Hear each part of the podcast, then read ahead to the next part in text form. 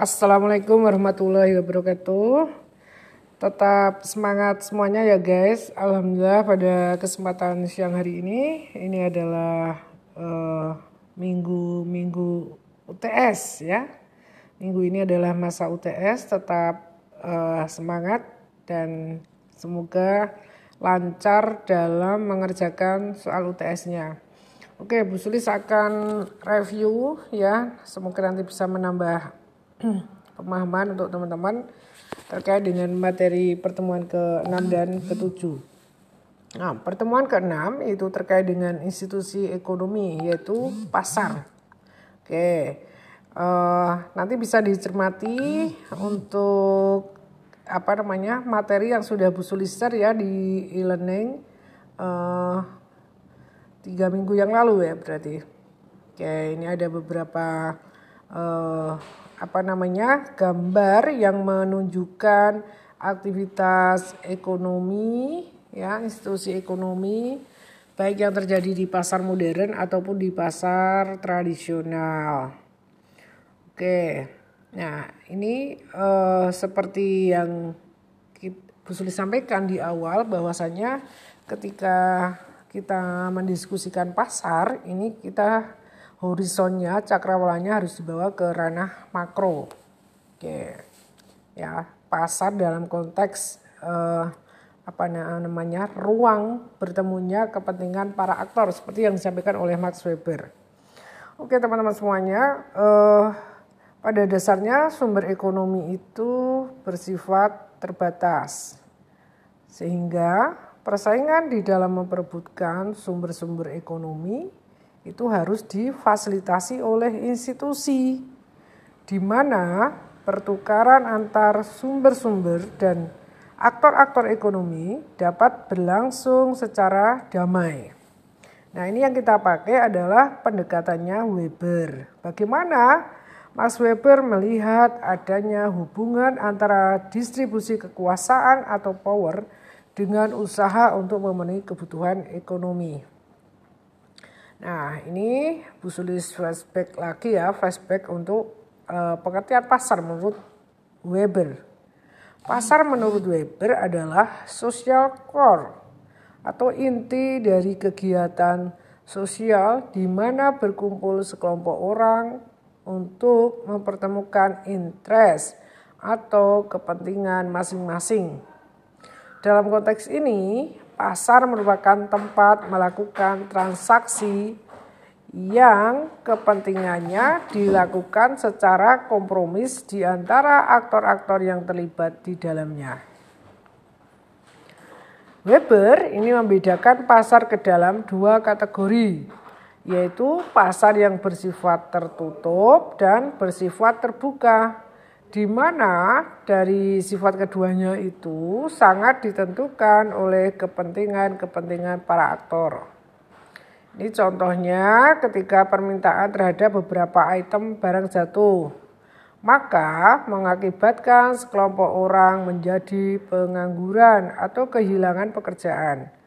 Pada situasi ini, pasar yang secara tradisional merupakan media pertukaran dan interaksi yang bersifat personal, berubah menjadi sebuah institusi yang bersifat impersonal.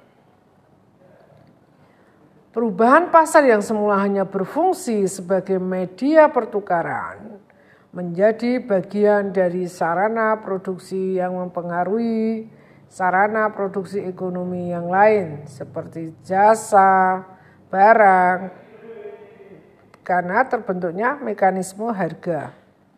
Nah, dalam konteks ini, harga menjadi alat untuk mengukur kompleksitas nilai ekonomis sesuai barang atau jasa, bahkan menjadi alat ukur sosial dan budaya dalam ekonomi kontemporer.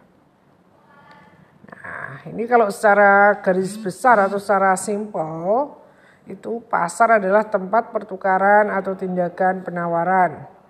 Pertukaran sebagai hubungan ekonomi dan pasar sebagai lembaga ekonomi.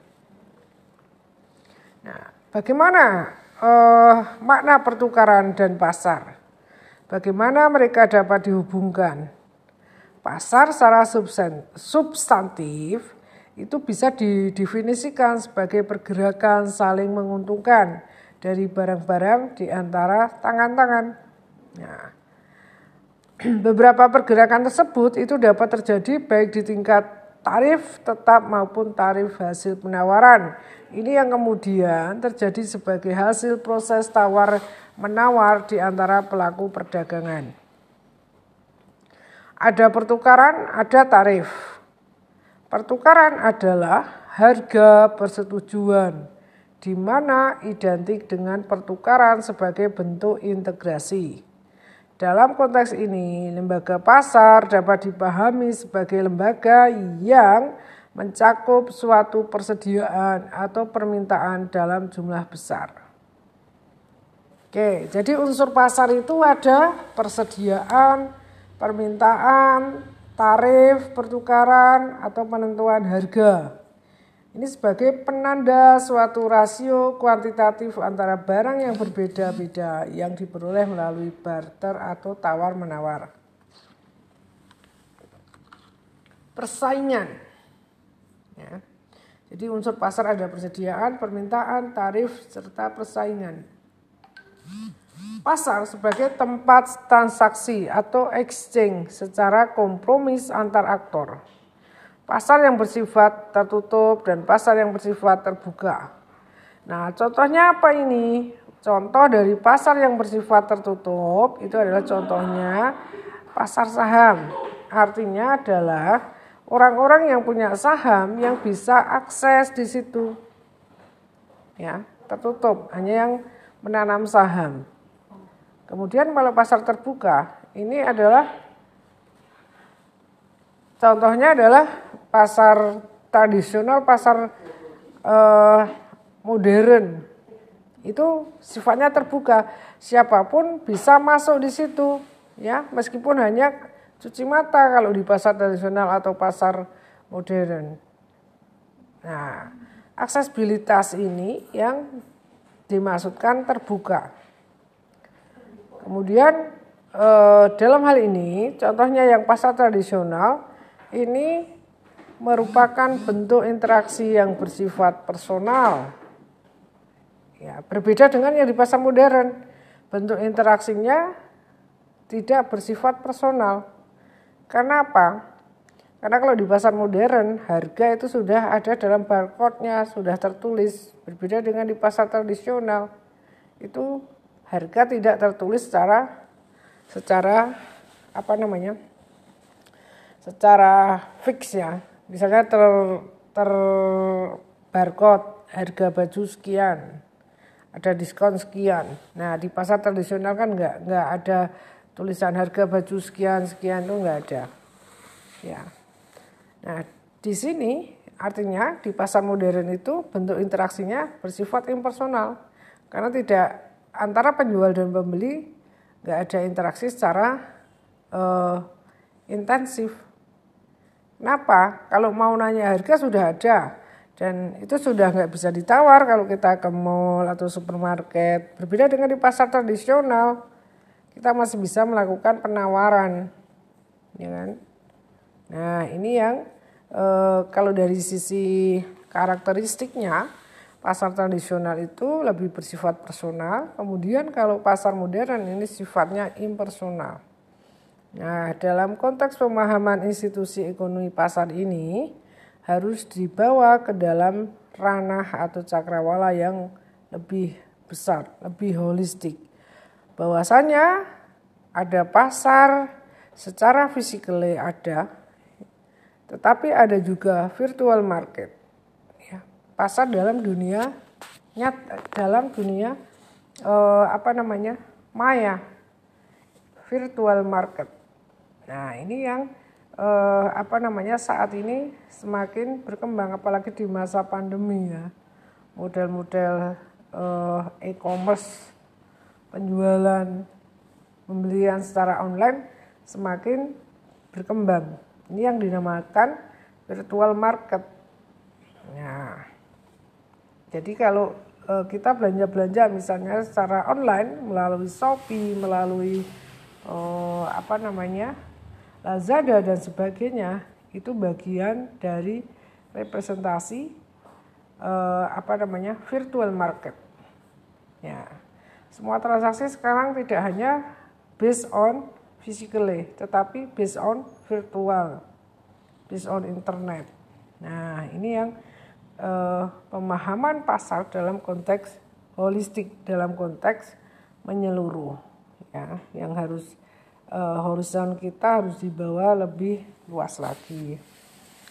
Nah, begitu teman-teman untuk uh, pasar uh, tradisional ataupun pasar modern yang nanti setelah UTS teman-teman akan melakukan uh, observasi yang sudah posisi di Jogja teman-teman bisa membentuk satu kelompok. Kalau misalnya teman-teman ada yang belum pulang atau kebanyakan belum pulang ke Jogja silahkan uh, apa namanya strateginya melalui uh, apa namanya melalui review review ya media sosial. Bisa YouTube bisa Instagram bisa media uh, apa namanya media online yang nanti kemudian dibuat video. Karena untuk tugasnya kan membuat video. Ya dari hasil observasi itu. Oke kira-kira itu dari Bu Sulis untuk yang review terkait dengan pasar. Ya sebagai bagian dari sosiologi tentu kita semuanya harus mencoba merasakan menikmati mengalami sendiri pengalaman berinteraksi di pasar tradisional ataupun pasar modern. Ya ada saatnya kita belanja ke pasar tradisional, ada kalanya kita belanja ke mall. Karena kalau nggak mengalami sendiri, nggak bisa merasakan bagaimana interaksi kita secara uh, intensif di pasar tradisional juga in, interaksi di eh, pasar-pasar modern seperti mall, hypermarket dan sebagainya nanti uh, kurang ya pengayaan kita secara sosiologisnya. Nah teman-teman ini uh, Bu Sulis harapkan bisa balance ya. Tadi saya sampaikan ada saatnya kita ke pasar tradisional, ada saatnya kita ke mall. Karena satu tuntutan kita bagian dari sosiologi, jadi harus tahu, harus uh, mengalami, merasakan bagaimana uh, ketika berinteraksi dengan pasar. Baik pasar secara fisikal, pasar secara tradisional, modern ataupun online uh, shop atau virtual market atau e-commerce. Nah, seperti itu ya, teman-teman untuk review pada pertemuan ke-6. Oke, sekalian ditulis lanjutkan untuk review pertemuan ke-7. Pertemuan ke-7 ini terkait dengan institusi ekonomi, yaitu terkait dengan uang dan penciptaan harga. Mengapa muncul uang? Bagaimana sejarah uang itu ada? Ya, ya. Uh, uang ini menjadi alat transaksi dalam kehidupan manusia sebelum uang ada itu pada kehidupan masyarakat tradisional kita kenal dengan istilah barter, tukar menukar barang untuk memenuhi kebutuhan hidupnya. Uang uang e, logam ya, uang emas, uang logam. Itu diciptakan pada abad 16 ya. Ketika e, apa namanya kita flashback ke belakang. Bagaimana pada masa merkantilisme ya. Kekayaan suatu negara itu dihitung dari banyaknya atau akumulasi uang logam dan uang emas yang dimiliki oleh suatu negara. Semakin banyak akumulasinya, maka mengindikasikan bahwa negara itu adalah negara yang kaya. Nah, itu yang uang logam. Nah, kapan uang kertas mulai diciptakan? Uang kertas mulai diciptakan pada abad ke-19-an. Ya. Oke, kita lihat di sini bagaimana eh, apa namanya interkoneksi atau relasi antara pasar, mekanisme harga dan penciptaan uang. Ya, kalau kita lihat dalam kehidupan sehari-hari, ya mata uang apa yang paling dominan dalam kehidupan kita? Apakah euro, apakah dolar, apakah dinar, apakah rial, atau yang lain. Nah, mengapa rupiah tidak dimention? Rupiah, uang rupiah kita, yang mata uang kita tercinta ini tidak menjadi uh, apa dominasi dunia. Yang menjadi dominasi dunia adalah mata uang dolar. Misalnya, ya, kalau kita keluar negeri, kita bawa uang rupiah. Mau beli apa-apa. Ya untuk negara-negara tertentu terutama di Eropa itu nggak bisa. Kalau hanya ke Malaysia Singapura itu masih bisa ya. Untuk titik-titik tertentu kita menggunakan mata uang rupiah. Tapi tidak semua daerah yang di Malaysia atau Singapura itu menggunakan uh, mata uang rupiah bisa diterima. Hanya pada eh, titik-titik tertentu. Seperti hanya di Arab Saudi juga di titik-titik tertentu itu uang rupiah kita bisa dipakai. Tetapi kalau kita ke Eropa atau ke negara-negara lain itu udah nggak bisa. Sehingga kalau kita misalnya pergi ke mana keliling dunia misalnya kita bawa dolar itu insya Allah insya Allah udah aman itu ya. Tinggal berapa dolar yang mau dibawa untuk uang saku. Nah terkait dengan hal ini ya Mengapa dolar itu menjadi dominan? Karena 60% penduduk dunia itu mengakui menerima bahwasanya mata uang rupiah eh mata uang e, dolar yang menjadi alat pertukaran alat untuk e, apa namanya bertransaksi secara internasional adalah salah satunya dolar. Dolar Amerika Serikat ya dolar. Kalau dolar Singapura sama dolar Australia dengan dengan dolar Amerika Serikat kursnya juga beda ya. Kalau bawa e, mata uang e, apa namanya dolar Amerika ya itu keliling dunia insya Allah aman. Dalam artian e, apa namanya negara-negara bisa menerima mata uang dolar tersebut Nah, saat ada satu hal yang membuat Bu Sulis itu ternyak ya. Terkait dengan treatment atau perlakuan mata uang dolar dengan mata uang rupiah. Ya, kalau kita lihat dalam kehidupan sehari-hari ya, kalau kita menggunakan mata uang dolar itu disusun secara rapi ya, nggak boleh dilipat secara kecil-kecil nggak boleh nggak boleh dikasih plester, nggak boleh dikasih tulisan, tip X. Nah, itu bagian dari treatment. Beda dengan uang rupiah. Kita tengok. Ada yang di kalau di pasar-pasar tradisional kita temukan uang rupiah kita ada yang di plester, dikasih coretan, ya. Nah, ini kan yang eh, bagaimana dari sisi treatment atau perlakuan terhadap uang rupiah kita tercinta ya. Oke. Institusi ekonomi yang ada saat ini merupakan hasil konstruksi sosial di mana pasar merupakan salah satu contohnya. Exchange. Ini aktivitas yang paling mendasari terbentuknya institusi ekonomi adalah pertukaran atau exchange. Exchange merupakan suatu bentuk resolusi atas konflik interest terhadap kepemilikan sumber-sumber ekonomi yang dilakukan melalui tujuan-tujuan yang bersifat kompromis. Pada konteks ini, pasar diasumsikan sebagai media pertukaran di mana para aktor yang terlibat di dalamnya berada pada situasi yang bersifat bebas dalam melakukan exchange. Nah, ini tadi terkait dengan mekanisme harga.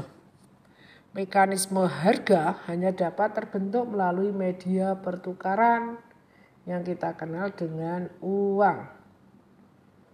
Nah, kita lihat di sini bagaimana awal mula terciptanya uang sebagai instrumen pengganti telah menghadirkan keberadaan suatu barang dan jasa.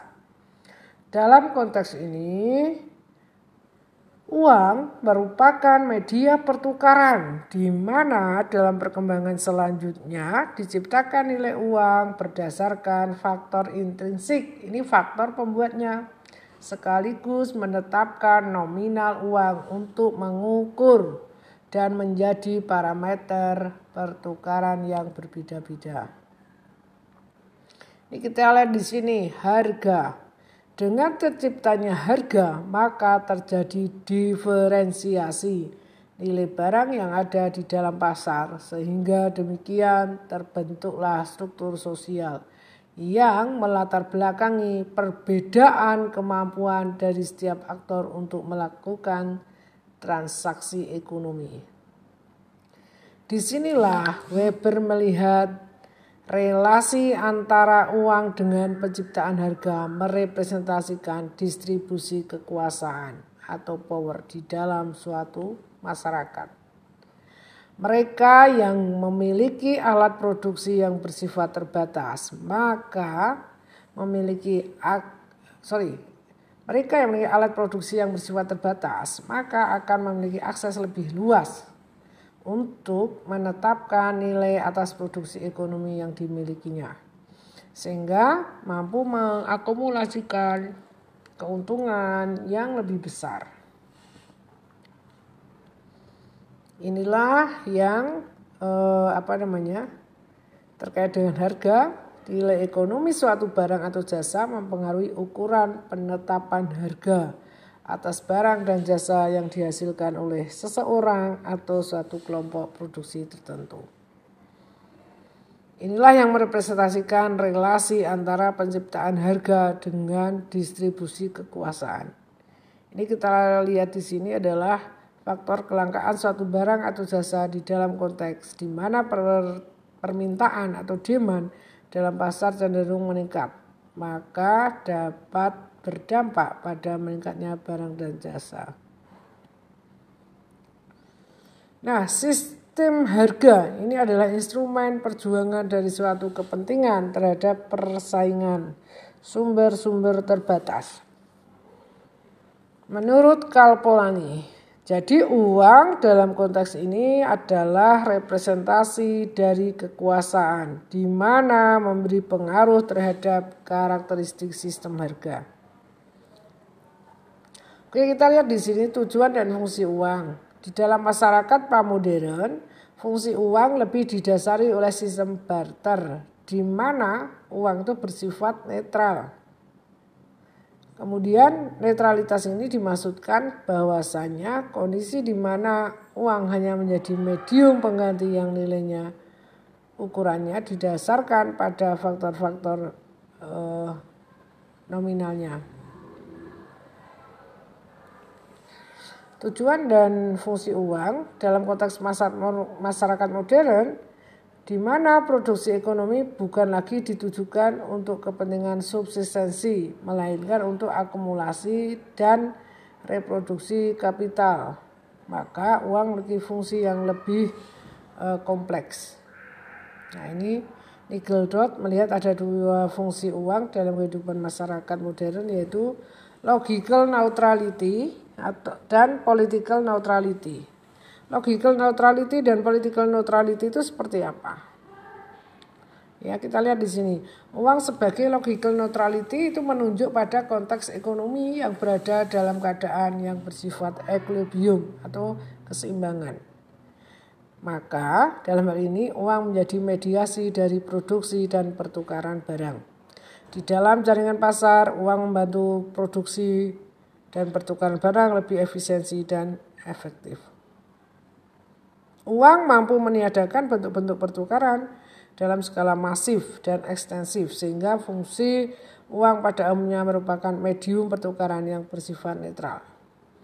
Uang sebagai political neutrality mencerminkan struktur hubungan antara uang dan organisasi kekuasaan dalam masyarakat.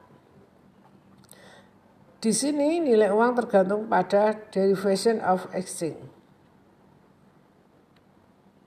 Oke. Uang yang awalnya hanya berfungsi sebagai media pertukaran dan menggantikan sistem barter, maka dalam konteks ekonomi modern, fungsi itu berubah menjadi alat produksi. Dalam perkembangan ekonomi modern yang lebih kompleks, uang sebagai alat produksi bergeser menjadi alat saving. Oke. Uang berperan sebagai alat ukur, ekspansi sistem dan produksi. Sehingga dalam konteks sistem kapitalis, Uang menjadi instrumen untuk mengkonversi nilai-nilai produk kapitalis dalam konstruksi penciptaan sistem harga. Akibatnya terjadi dampak terhadap uh, nilai ekonomis produk-produk subsistensi. Oke, investasi atau saving itu uh, bisa kita lihat untuk konteks Indonesia, untuk konteks masyarakat post industri itu kini menjadi komunitas baru dan mempengaruhi terjadinya mekanisme produksi dengan uang itu sendiri sebagai barang yang diperdagangkan dan uang sebagai alat pembelinya. Ini contohnya adalah krisis ekonomi pada 1997, krisis ekonomi Amerika.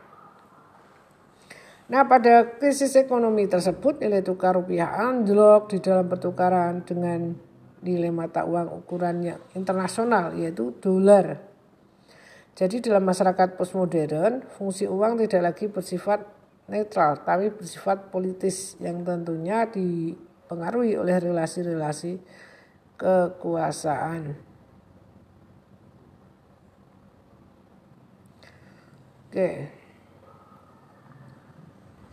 Terakhir, aktivitas ekonomi saat ini bukanlah suatu aktivitas yang semata-mata berada pada kondisi equilibrium selalu mencari posisi keimbangan, melainkan lebih mencerminkan suatu relasi dan distribusi kekuasaan.